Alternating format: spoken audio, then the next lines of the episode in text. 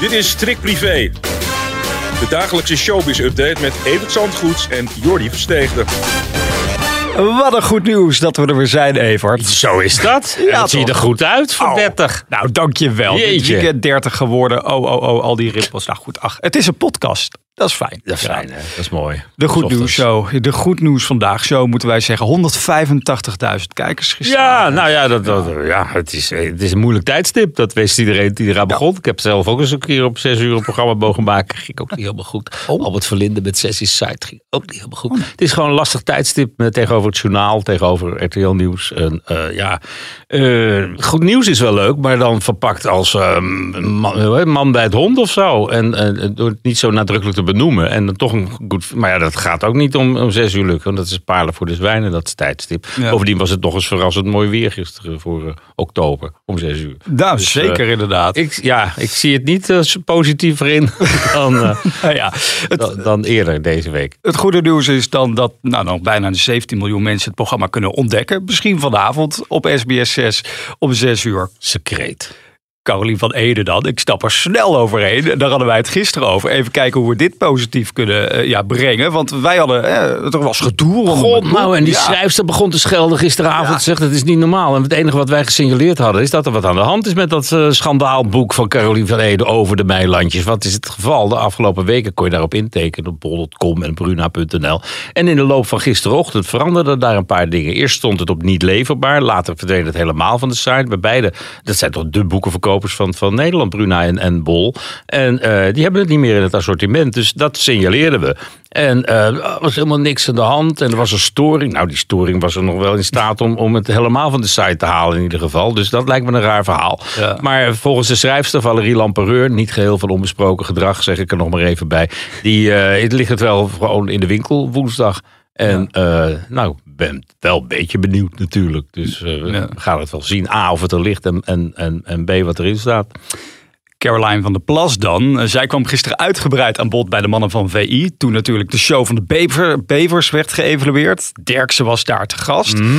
Maar nu hebben Derksen en Caroline het een beetje aan de stok met elkaar. Ja, ik, ik, ik vind het ook wel kwalijk dat Derksen suggereert dat Caroline dat hele drama in Rotterdam heeft aangegrepen om onder dat optreden in Ahoy uit te komen.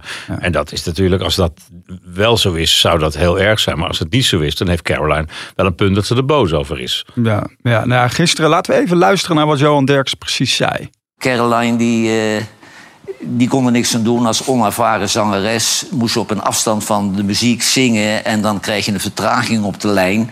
En dan kan ze niet op tijd inzetten. En ja, dat werd een gestuntel. En die zegt, ja, hier begin ik niet aan. Ja, maar het is natuurlijk wel een, een, een plausibele reden om te zeggen van nou, dat hele drama met drie doden, dat heeft zich op een paar kilometer vanaf hier afgespeeld. Ja. En ik doe dat niet als politica. Dus ik ga daar toch wel in mee. En wat er verder wordt bijgesleept. Ja, nou ja. Eh, volgende maand is het de beurt aan André Hazes om Ahoy te gaan veroveren. Maar goed, we hebben al eerder geconstateerd, ook in deze podcast, dat dat nog niet echt helemaal lukt qua kaartverkoop. Nee, maar als het de Bevers twee avonden lukt en jou voor de helft. Ja. Dan is er wel iets heel erg mis met je carrière. En dan kun je nu wel ineens een offensief beginnen. En overal interviews gaan geven. Want dat doet hij. En eh, dan denk ik, ja jongen, die zaal die krijg je niet meer vol. Want mensen hebben er gewoon geen zin in op het moment. En, maar ja, hij had er zelf een plausibele reden voor dat het niet vol zat. ik moet opnieuw beginnen. En ik denk dat dat. Ik geloof dat alles gestuurd wordt van boven. Dus als ik terug was gekomen en ik was meteen weer het binky, weet ik niet of ik het nu twee jaar vol had gehouden zonder drank en drugs. Dus ik denk dat het voor mij heel goed is dat ik weer opnieuw wil beginnen. Dat ik de dingen weer moet gaan waarderen. Het gaat niet vanzelf. Je moet ergens hard voor werken. Ja, maar ja, Ja, dan doe vra- dat dan ook eens zo langzamerhand na al die jaren. En ik hoor nou al een jaar dat hij terug gaat komen. Maar er is nog geen hit geweest. En Jong heeft gewoon een heel groot probleem. En vroeger was, heette dat drank en drugs. En nu is het een ge- ge- gebrek aan inspiratie, geloof ik. En je kan niet opnieuw beginnen als je hazes bent. Je Ja. neemt die hele burden, dat hele verleden neem je mee. En iedereen, ja, kon je maar opnieuw beginnen. En dat iedereen vergeten is wat een puinhoop je ervan gemaakt hebt de afgelopen jaren. Ja. En eh, ja, dat, dat, dat, dat gaat niet, hè?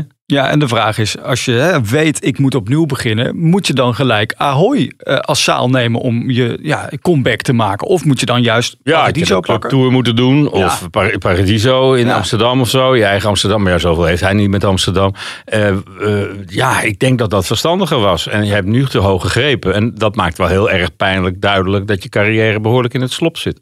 Luca Borsato dan. Ja, we hadden het gisteren al even over Jada. Die was in shownews aan het woord gekomen over haar vader. En nu heeft ook Luca er iets over losgelaten. Ja, ook eventjes wat er aan de hand is binnen de familie. Dat uh, benadrukt natuurlijk ook dat hij, zijn zus, zijn broer, eh, de vrouw, uh, maar Leontien en zo er allemaal niks mee te maken hebben. Wat ik ook al een paar keer uh, voorzichtig heb geprobeerd duidelijk te maken. Is dat zo? En ik kan me voorstellen dat de impact op dat gezin ontzettend groot is. En hij vertelt er wel het een en ander over in de podcast met Ruud de Wild. En uh, dat doet hij ook op een uh, vrij rustige toon. En hij woont natuurlijk samen met zijn vader. Dus hij uh, ziet elke dag hoe Marco eraan toe is. Ja. Niet naar de supermarkt kunnen. Dat is wel het minste. Want hij kookt dan wel. En Luca doet de boodschappen wel.